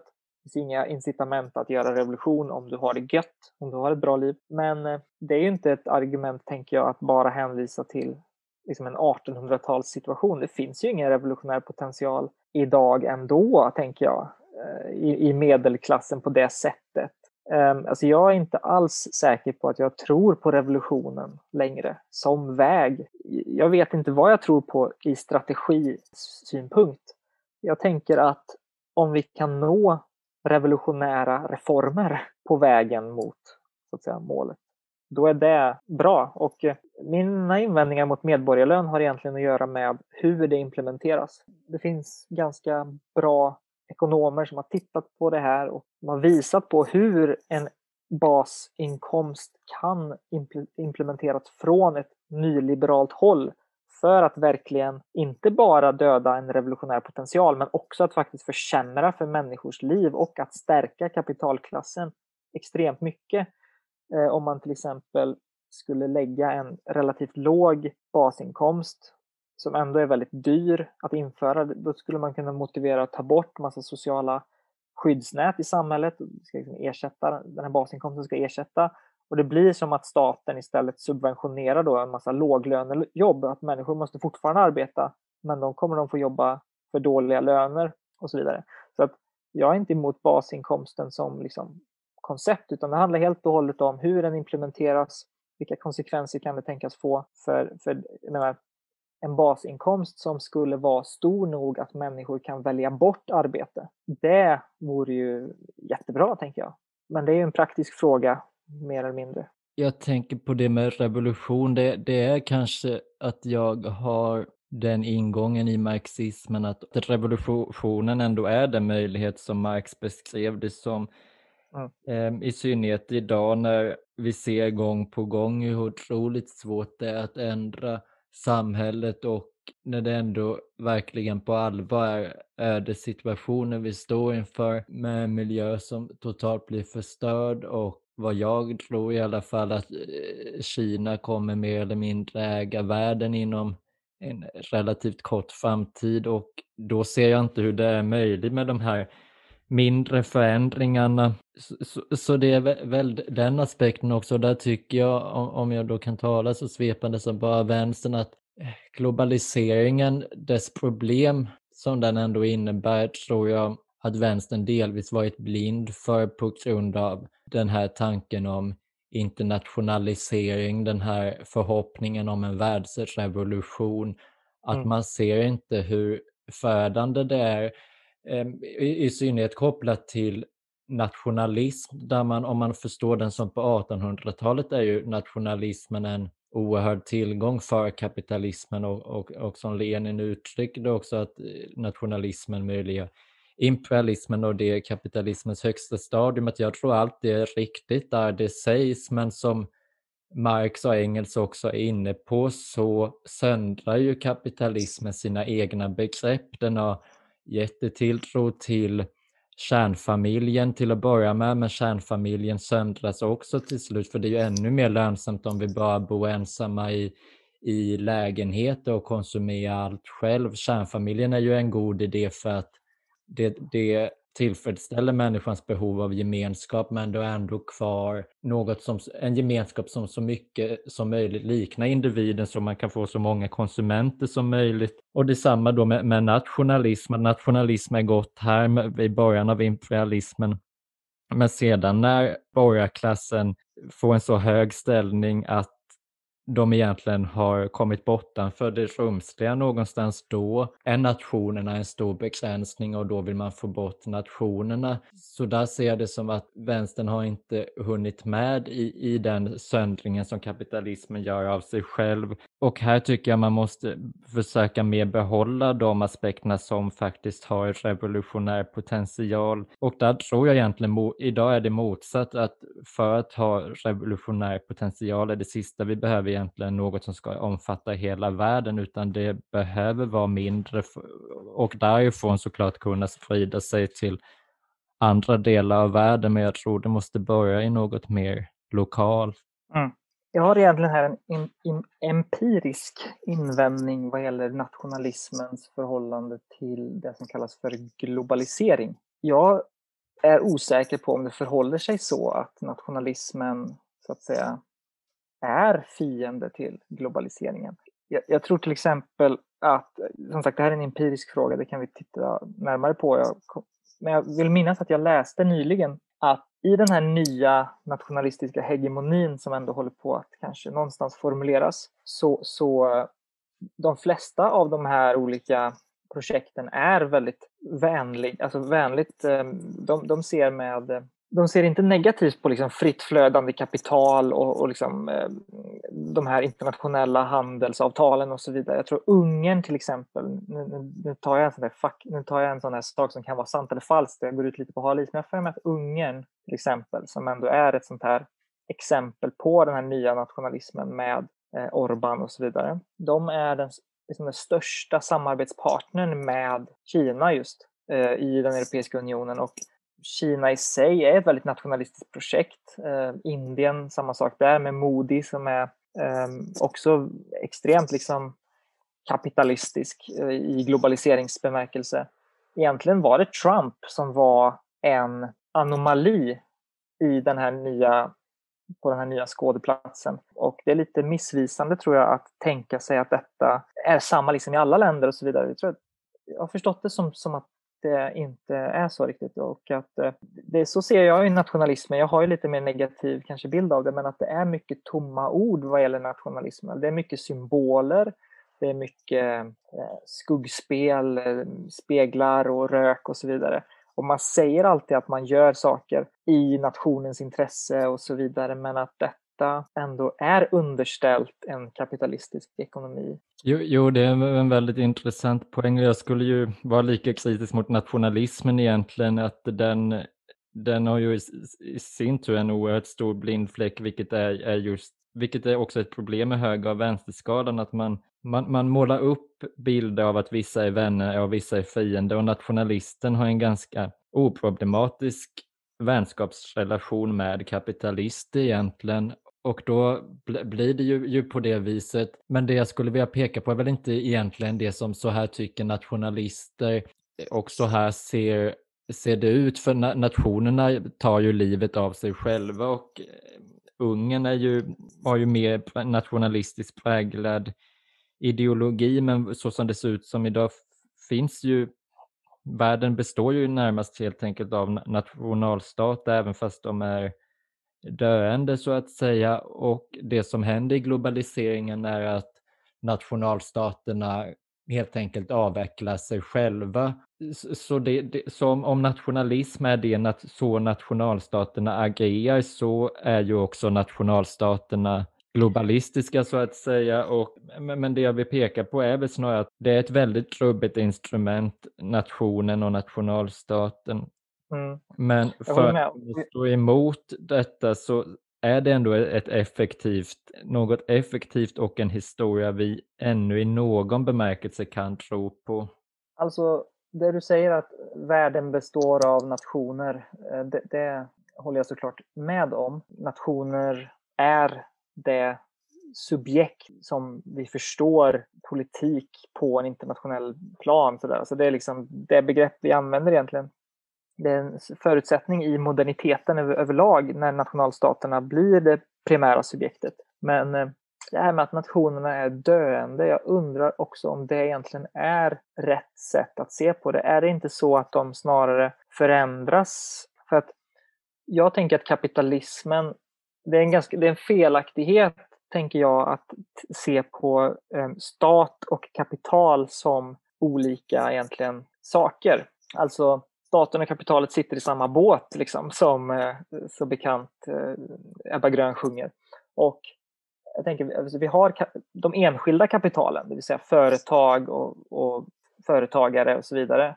Men sen så har vi det absoluta kapitalet, eller vad ska vi kalla det? det vi har liksom staten som sätter upp ramverket för kapitalism. Alltså kapitalet behöver staten. Det, det här är liksom en falsk motsättning mellan kapital och stat.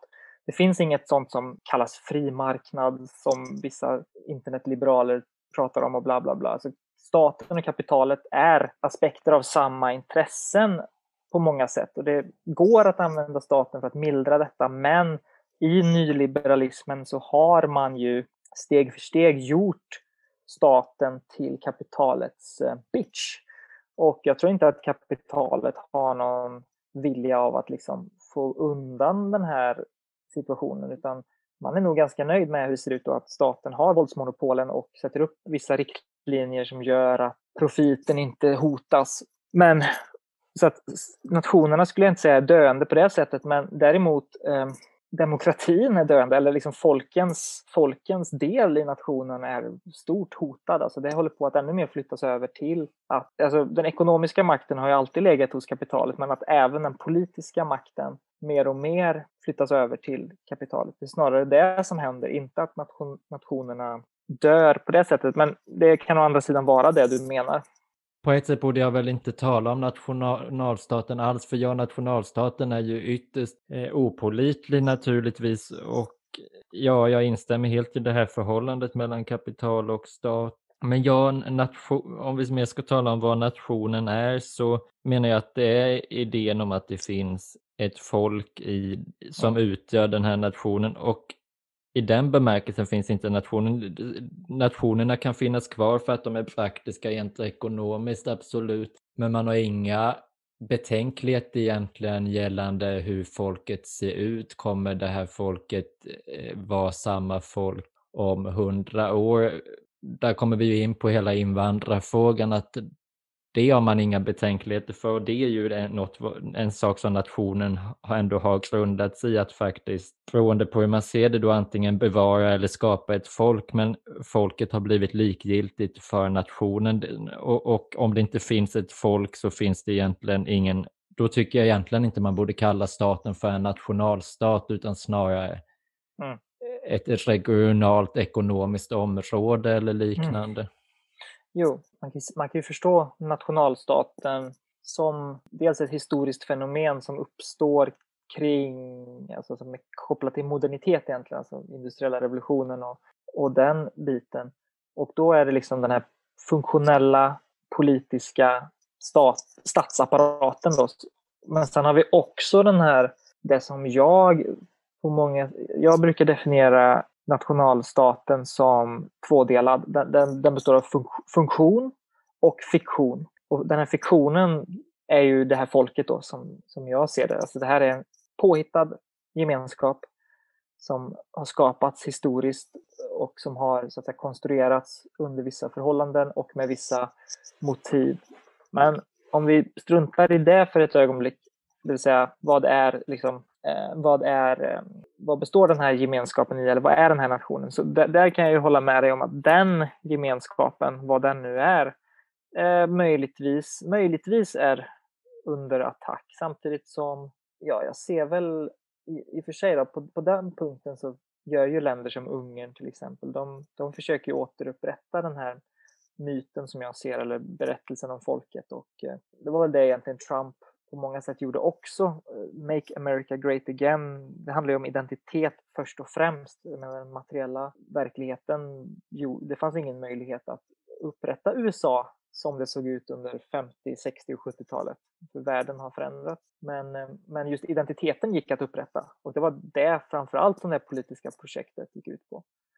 Så att där, visst, det har, det har nationalismen en potential att göra, men det ser jag som ett slag i luften och eh, något som jag inte är jätteintresserad av och som dessutom kan användas, jag menar om vi pratar vän och fiende och så vidare, det här är ju en i en tradition eller en ideologisk tradition som jag anser är en slags fiendetradition, liksom en högernationalism som, som är kritiska mot vänstern, socialism, kommunism, den sortens idégods. Jag skulle inte välkomna den förändringen ändå. Ja, saken är väl när jag har en syn om att vi är i ett desperat behov av en stor förändring. Och här kan jag ju se att nationen är kanske inte den förändringen. Men för att den förändringen ska kunna komma i skott menar jag ändå att nationen blir av väldigt stor vikt. För jag vet inte, och det är ju för att jag tror ändå på begreppet eh, revolutionär potential, att jag vet inte vad man ska inhämta den i den värld som jag tror väntar oss. Men, men, sedan, och, och, det är väl mer på funktionsandan i någon bemärkelse som du nämnde, mer på fiktionsaspekten så, så är det en av sakerna. Så jag tycker att vänsterideologin, då, om vi, vi tänker det som att vi någonstans ska bort från det som förbinder oss, att där, där, där tycker jag att det är en sån sak som, alltså vad är problemet med att vi ingår i nödvändighetens rike istället för frihetens rike. Det är för att det finns sådant vi värderar mer i det som är vår frihet och där kan vi ju då räkna familjeförhållanden. Och mm. här är det ju också väs väsentligt att komma ihåg med marxismen att om, om vi tittar på en bok Engels skrev, nu minns jag inte vad den heter för de är ofta så långa titlar, marxister, på sina böcker, men där, där menar han ju egentligen i samma anda som Platon, som jag förstår det i alla fall, att familjen är ett problem för att den förbinder oss på ett liknande sätt som eh, det nödvändiga gör att familjen hör någonstans till nödvändighetens rike. Och här tror jag det finns en väldigt stor risk i att särskilja det nödvändiga från friheten som du var inne på fattar jag det också ursprungligen att där med frihet att vi vill ju vara förbundna om vi är förälskade i någon och ingår i en relation med den. Ja, vår atomistiska autonomi eller vad jag ska säga, den är ju sönderkrusad men vi tillhör något som vi värderar mycket högre än mm. än det så att säga. Och där tycker jag att där är familjen ett sådant begrepp och sedan tycker jag gör ju det att familjen går faktiskt att utvidga till att gälla min stad, min, min, mitt eh, ännu närmare område. Mm. Och sedan går det att utvidga till det, det med nationen. Så, så jag skulle säga att ja, nationen är en social konstruktion, men till dels är det en berättigad social mm. konstruktion mm. för den tar fasta på vår vilja att vara förbunden med något som hänger ihop med det som är nödvändigt så att säga. Mm. Jo, jag, jag, håller med om det. Alltså, jag tänker dels att, att det är väldigt viktigt att kunna förhålla sig till saker som ja, till exempel Engels skrev. Alltså att, att man bara skiter i sånt som man så att säga tycker är skit där. Alltså det, det, och jag poängterar det, det kan låta banalt men det här är ju ett problem som har funnits i vänstern där de här speciellt de här två blir profeter på ett nästan religiöst sätt. Men jag menar, de kan också skriva skit och då ska vi inte lyssna på det. Däremot så skulle jag inte, alltså familjen som sådan kan ju vara, alltså kärnfamilj och stjärnfamilj. Alltså jag förstår att det finns problem med så att säga normupplösning och att det kan vara, det har sin egen, egna problem, sina egna problem och så vidare. Men familjen har också varit och kan vara en källa till förtryck för den enskilde. Eh, måste inte vara, liksom, det måste inte tillhöra frihetens rike.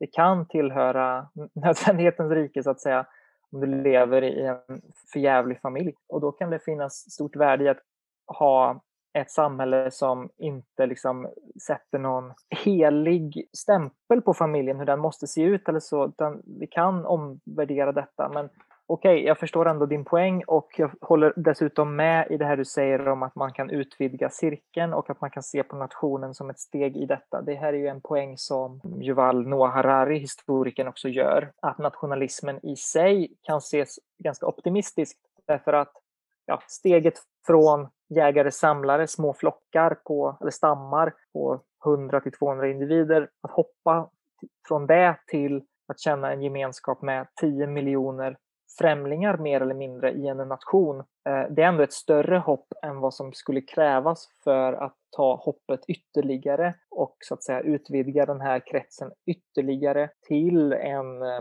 postnationell värld eller vad vi ska säga. Men, och det motsvarar ganska väl eh, hur, hur jag tänker mig att det ideella samhället egentligen ska vara. Um, då utgår jag inte från familjen utan från vänskapskretsen. Att så som vi ser på våra vänner, och det här hänger ihop med Schmitts definition av det politiska på något sätt, att man har övervunnit den här fiendskapsrelationen som finns i det politiska. Alltså det är någon slags, kommunismen är någon slags postpolitiskt tillstånd, men att vänskapskretsen är idealet och att den relation du har till din vän, det vill säga du gläds när han gläds, du sörjer när han sörjer och så vidare. Det är den som ska utvidgas till större och större cirklar och Eh, när din vän behöver hjälp så hjälper du din vän och så vidare. Så att jag har väl samma tanke, men det som nationalismen gör är att de sätter ju ett mystiskt skimmer kring just nationen.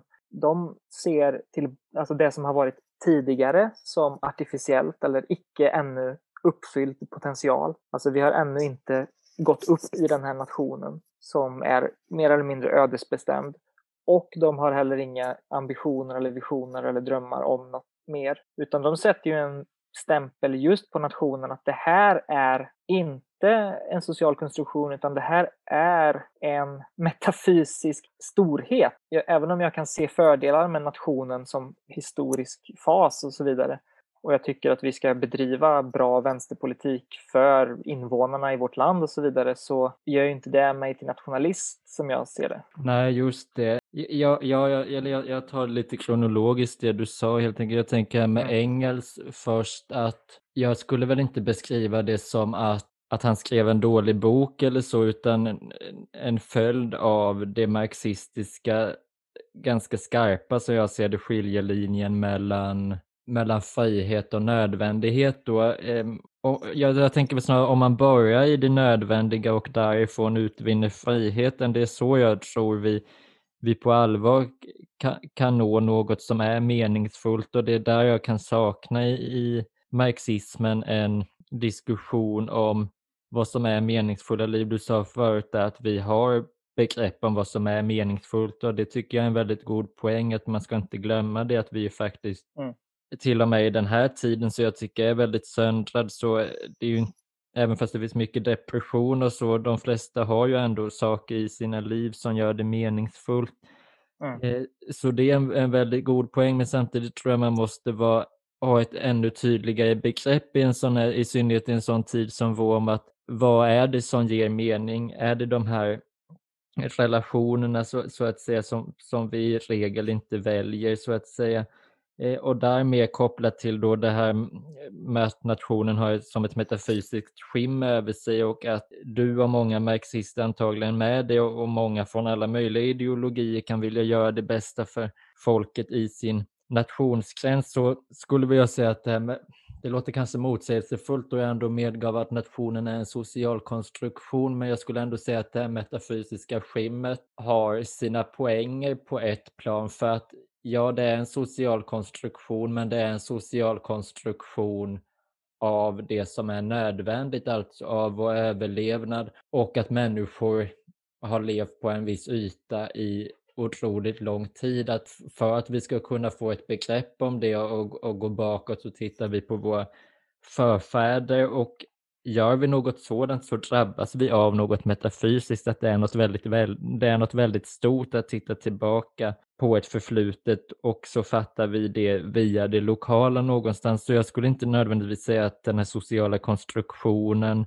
står i motstrid till det metafysiska så att säga. Och därmed det, det, finns en poäng om man ingår i, i familjer som är, är destruktiva så att säga så tänker jag att då borde ju på ett sätt är det ju inte möjligt eftersom familjen är något man föds in i men impulsen där tycker jag inte borde vara vilket jag förvisso inte tror att du menar, men, men, impulsen borde ju inte vara att man ska bort från förbindelse utan att skapa en starkare förbindelse att, eh, och se vad, vad, vad det är en familj som går att rädda och så vidare. Mm. Så mer, mer den, den impulsen så att säga. Och en fråga jag tänker här, um, utöver allt detta då som jag vore intresserad av att höra vad du tänker kring eh, mer som vi har talat om tidigare då, men som jag tycker sammanfattar hur eh, enligt mitt synsätt fel det kan gå om man har den här särskiljningen mellan det nödvändiga och friheten att och nu vill jag inte göra som,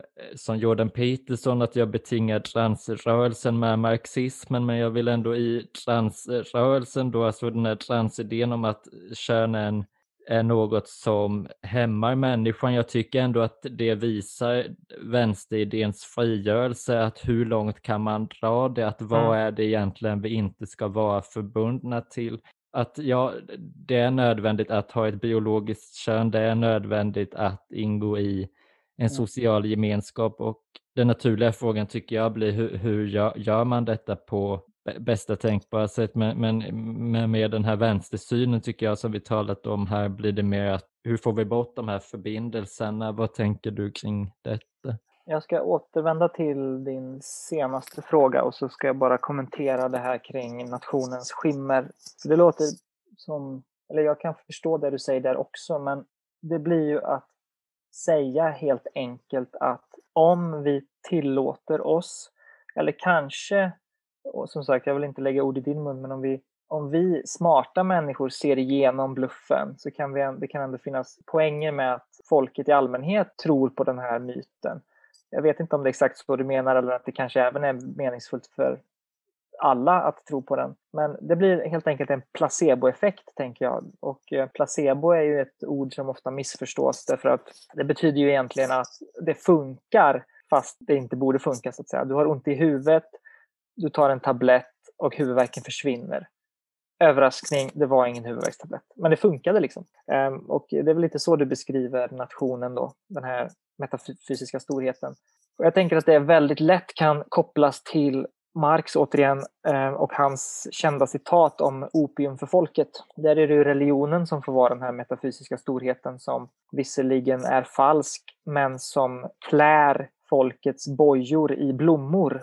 Eh, det är så han skriver att eh, kritiken av religion, eller i vår diskussion, kritiken av nationen ska ju inte handla om att plocka blommorna från bojorna utan att kapa bojorna så att man kan plocka den levande blomman. Ett väldigt vackert Marx-citat och jag tänker att det appliceras även här. Två, det här med transrörelsen då, det är ju en eh, god poäng du lyfter fram, tänker jag, det här med vad är egentligen någonting att frigöra sig ifrån. Och vad gäller kön så har jag här en syn helt enkelt att kön är ingenting att frigöra sig ifrån utan kön är ju, alltså det är ju snarare konsekvenserna av kön som ska frigöras från.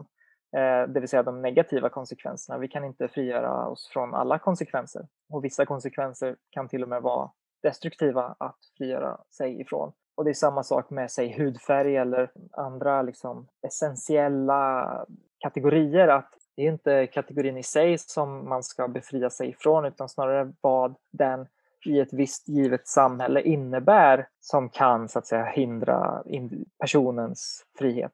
Sen då när det gäller just transrörelsen så tror jag väl att anledningen till att folk upplever könsdysmorfi därmed vill så att säga byta kön är kanske socialt skapat också. Alltså det skulle inte ske utan en viss social kontext och så vidare.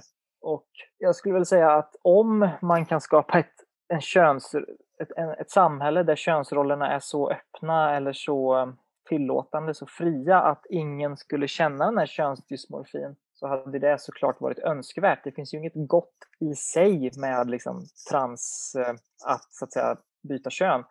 Min hållning till transpersonerna är, jag, jag försöker att ha en så stor empatisk syn på det som möjligt, det vill säga att om du drabbas av könsdysmorfi så måste det vara en så fruktansvärd eh, känsla, eller en så fruktansvärt, fruktansvärt öde. Då är det helt enkelt en fråga om hur man kan hjälpa dessa människor. Och eh, så som jag förstår saken så kan könskorrigering eller liksom könsbyte faktiskt hjälpa. Och där ser inte jag egentligen någon jättestor problem i detta. Jag förstår mycket av invändningarna och så. Men på något sätt så, det, det som transrörelsen kommer in på är ju vår förståelse av verkligheten, tänker jag. Och liksom, vad är kön överhuvudtaget? Och där tänker jag helt enkelt att det beror ju också på vilken begreppsapparat vi har. Och det här är ju liksom det klassiska konstruktivistiska argumentet och jag betraktar mig inte som en sådan helt och fullt, även om jag såklart ser viss typ av konst, alltså social konstruktion i hur våra begrepp används. Men samtidigt så skulle jag ändå säga att liksom, vår verklighet är inte helt avhängd, avhängig på våra begrepp. Alltså visst, vi skulle kunna formulerat om begreppen. Alltså vi ser verkligheten framför oss, vi delar in den i kategorier, vi skapar begrepp för förståelse. Och de här kan vara helt godtyckliga i vissa fall. Men de måste ju inte heller vara det. Det kan vara så att den beskriver reella skillnader i verkligheten. Det vill säga, vi har inget specifikt ord för röda stolar och vi har inget specifikt ord för blåa stolar. Det är inte en meningsfull distinktion, det är inte en meningsfull kategorisering som vi upplever. Vi skulle kunna ha ett samhälle där vi hade ord för detta, men det har vi inte. Däremot har vi ord för man och kvinna. Och jag skulle ändå säga att den verklighet som de här begreppen speglar är mer substantiell än skillnaden mellan så att säga, röda stolar och blåa stolar. Alltså en man och en kvinna i verkligheten, eller det vi förstår som en man och en kvinna i verkligheten, det är någonting separat. Det, det finns, det har sin biologiska grund, men det har också sin sociala grund. Och jag nöjer mig väl egentligen helt enkelt med att säga att jag, jag tycker att transkvinnor, om vi säger så, de är transkvinnor eller de blir transkvinnor. Om någon skulle fråga, okej, okay, men är en transkvinna en kvinna? Då är vi liksom inne i en semantiskt spel. Då skulle jag säga, nej, de är inte biologisk kvinna. Men de kan vara en kvinna beroende på vad vi bara lägger i begreppet kvinna. På samma sätt som adoptivföräldrar, det, alltså en adoptivförälder kan vara en riktig förälder även fast den inte har en biologisk grund i sitt barn och så vidare. Så att jag försöker, eller jag har en empatisk det låter som att jag försöker vara så godhetssignalerande här, något som är fruktansvärt för vänstern, men jag försöker ändå låta empatin så att säga diktera mina ställningstaganden vad gäller transfrågan och eh, det är klart att det här är liksom svårt och komplicerat och, och sådär, men eh, ungefär så ser jag på det. Ja, nej, men jag gör väl också så. Nu har vi två frågor i omlopp samtidigt, men om jag börjar med nationen här att ja, det är väl ingen felaktig beskrivning på ett plan, men eh, angående om det bara är de är intelligenta ser igenom detta. Mm. Någonstans skulle jag inte beskriva det riktigt så, utan det är en eh, realitet som finns att människor som lever på en plats väldigt länge, menar jag, utformar vissa egenskaper och här kommer vi ju då in på eh, rasbegreppet som är ju väldigt svårt egentligen att tala om i dessa tider och här kan vi också till det du sa om kön, vad lägger vi i begreppet eh, ras? Jag skulle egentligen bara lägga in att det handlar om hur vi har formats av vår, vår omgivning och att det ger oss vissa egenskaper som jag ändå skulle säga finns och sedan exakt var man drar den gränsen kan man ju såklart fråga sig. Och det, det är ju ett problem som alltid finns i alla kategorier, att var drar vi den gränsen och hur undersöker vi det? Idag tittar man ju mycket på, på det som en vetenskaplig fråga, vilket jag tycker är ganska olyckligt. Man gör det från båda sidorna. Och där går det ju ganska enkelt egentligen att se att det finns skillnader på människor. Man kan ju se ganska exakt med hjälp av DNA vilka, vilket område någon härstammar från eller ja, vilka, vilka folkslag någon härstammar från. Men så med, tittar man då på de här egenskaperna i detta och menar att det, det finns egentligen inga sådana här stora skillnader som gör att vi kan tala om raser, men samtidigt ser man ju tydligt att det finns skillnader mellan olika folkslag och jag skulle väl säga att det gå tillbaka till det någonstans och, och som, som i en familj att man ser vissa egenskaper i en familj. Där är det ju mycket tydligare i en familj men sen kan man utvinna detta till att också gälla ett större sammanhang som en nation och en nation är ju mycket riktigt socialt så det är inte så enkelt som att alla i den här nationen har totalt gemensamma egenskaper, men det, det problemet har vi förvisso i en familj också. Det finns ju släkter och familjer där likhet inte alls tycks vara uppenbara så att säga på ett så som det framträder för oss så att säga på ett fenomenologiskt plan.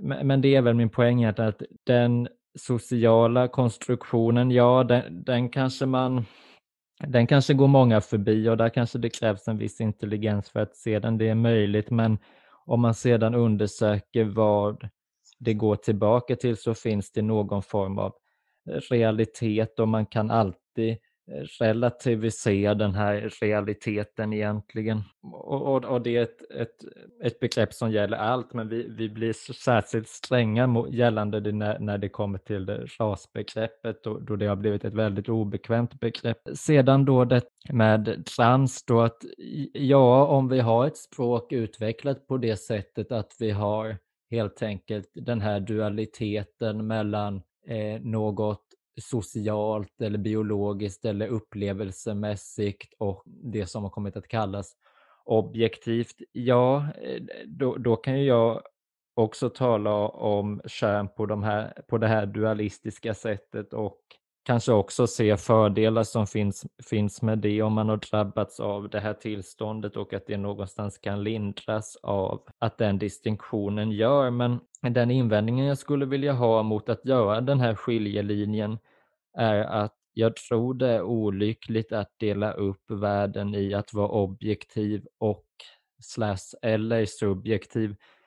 Jag tror att objektet och subjektet måste nå någon form av symbios för att vi ska kunna leva de här meningsfulla liven och det är här jag gällande vänsterbegreppet mer allmänt och kanske i synnerhet marxismen då blir något konfunderad över den här frigörelsen, att vad är det vart är det vi ska egentligen? Vad, undrar jag och mitt svar på den frågan då är väl det här att egentligen uttryckt marxistiskt egentligen inte att ta oss från det nödvändiga till friheten utan se till att distinktionen mellan nödvändigheten och friheten inte ens existerar.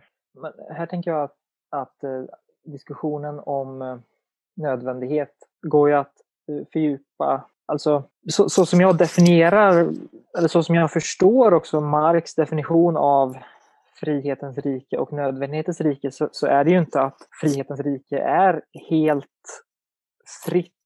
alltså det är inte helt oberoende utan det finns massa saker som, som vi måste förhålla oss till och speciellt om vi ska ha en etik också och en, eh, en, ett meningsfullt liv det kan inte levas på vilket sätt som helst, skulle jag väl hävda.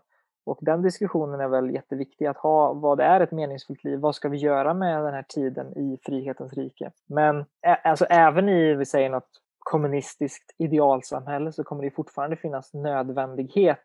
Och eh, skillnaden är väl just, eller det är väl det som försöker formuleras hos Marx i hans begrepp om alienation. Att det kapitalistiska samhället kännetecknas till stor del av alienerat lönearbete på ett sätt där människan blir förfrämligad egentligen ifrån det som skulle kunna betraktas som en nödvändig del av människan, så som jag förstår att du vill få det till. och som väl ligger ganska nära kanske, ja du beskriver subjekt och objekt, det är liksom fenomenologins utgångspunkt och här känns det som att det ligger nära Heidegger. Och eh, så att säga, det finns ju den här, eh, alltså kapitalismen bygger på en del olika principer, men en av dem är ju arbetsdelning eller specialisering. Det vill säga, eh, vissa personer ska göra alltså specifika arbetsuppgifter som de ska bli duktiga på för att effektivisera ekonomin. Och det här är någonting som fanns redan hos Adam Smith när han skriver Nationernas välstånd på 1700-talet. Och eh, Smith framhåller ju där arbetsdelningens och specialiseringens vinster, eller vad vi ska säga.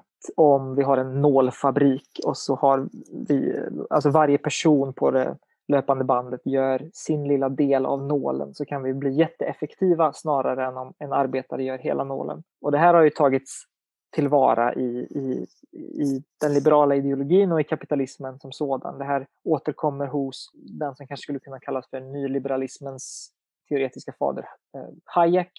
Det finns hos Milton Friedman. Men, men det som Smith också faktiskt poängterar redan i nationernas välstånd är att hur blir livet för den här arbetaren som endast gör de här nålshuvudena? Det är knappt en människa kvar av honom, skriver Smith. Alltså, det här är ju inget liv och den, den här personen blir så dum som bara en människa kan bli. Och han har en väldig kritik mot eh, vad det här kommer innebära existentiellt för den här arbetaren. Men på grund av hans huvudsakliga värde som är liksom effektivitet, tillväxt, så är det ändå ett offer han är villig att göra. Um, och Marx har ju en helt annan beskrivning. Han, han har ju, han, jag tror han skriver det ganska skämtsamt, men han skriver liksom, ja i kommunismen så kan vi fiska på förmiddagen, plöja åken på eftermiddagen och ägna oss åt kritik på kvällen. Sådär att vi ska ha en liksom mycket mer, som sagt han skriver skämtsamt och han är också emot att göra några sådana framtidsvisioner om hur samhället exakt ska se ut. Men just att någonstans komma ifrån det alienerade och komma närmare vad vi kan förstå som ett mänskligt liv. Och det ingår ju vissa grader av nödvändighet i detta. Men det ingår också grader av frihet därför att vi måste inte ägna all tid åt den här reproduktionen av våra egna liv utan vi har också de här existentiella den här tiden för existentiella frågor. Vad ska vi göra med vår överblivna tid? Vad finner vi meningsfullt? Borde vi flytta? Borde vi ändra oss? Ska jag syssla med någonting annat? Och så vidare. lever jag mitt liv så som jag vill spendera min begränsade tid på jorden? Så att om man liksom går djupare in i de här begreppen så tänker jag att vi inte behöver liksom eh, vara osams om detta utan att det kan ingå i hur vi förstår de här begreppen.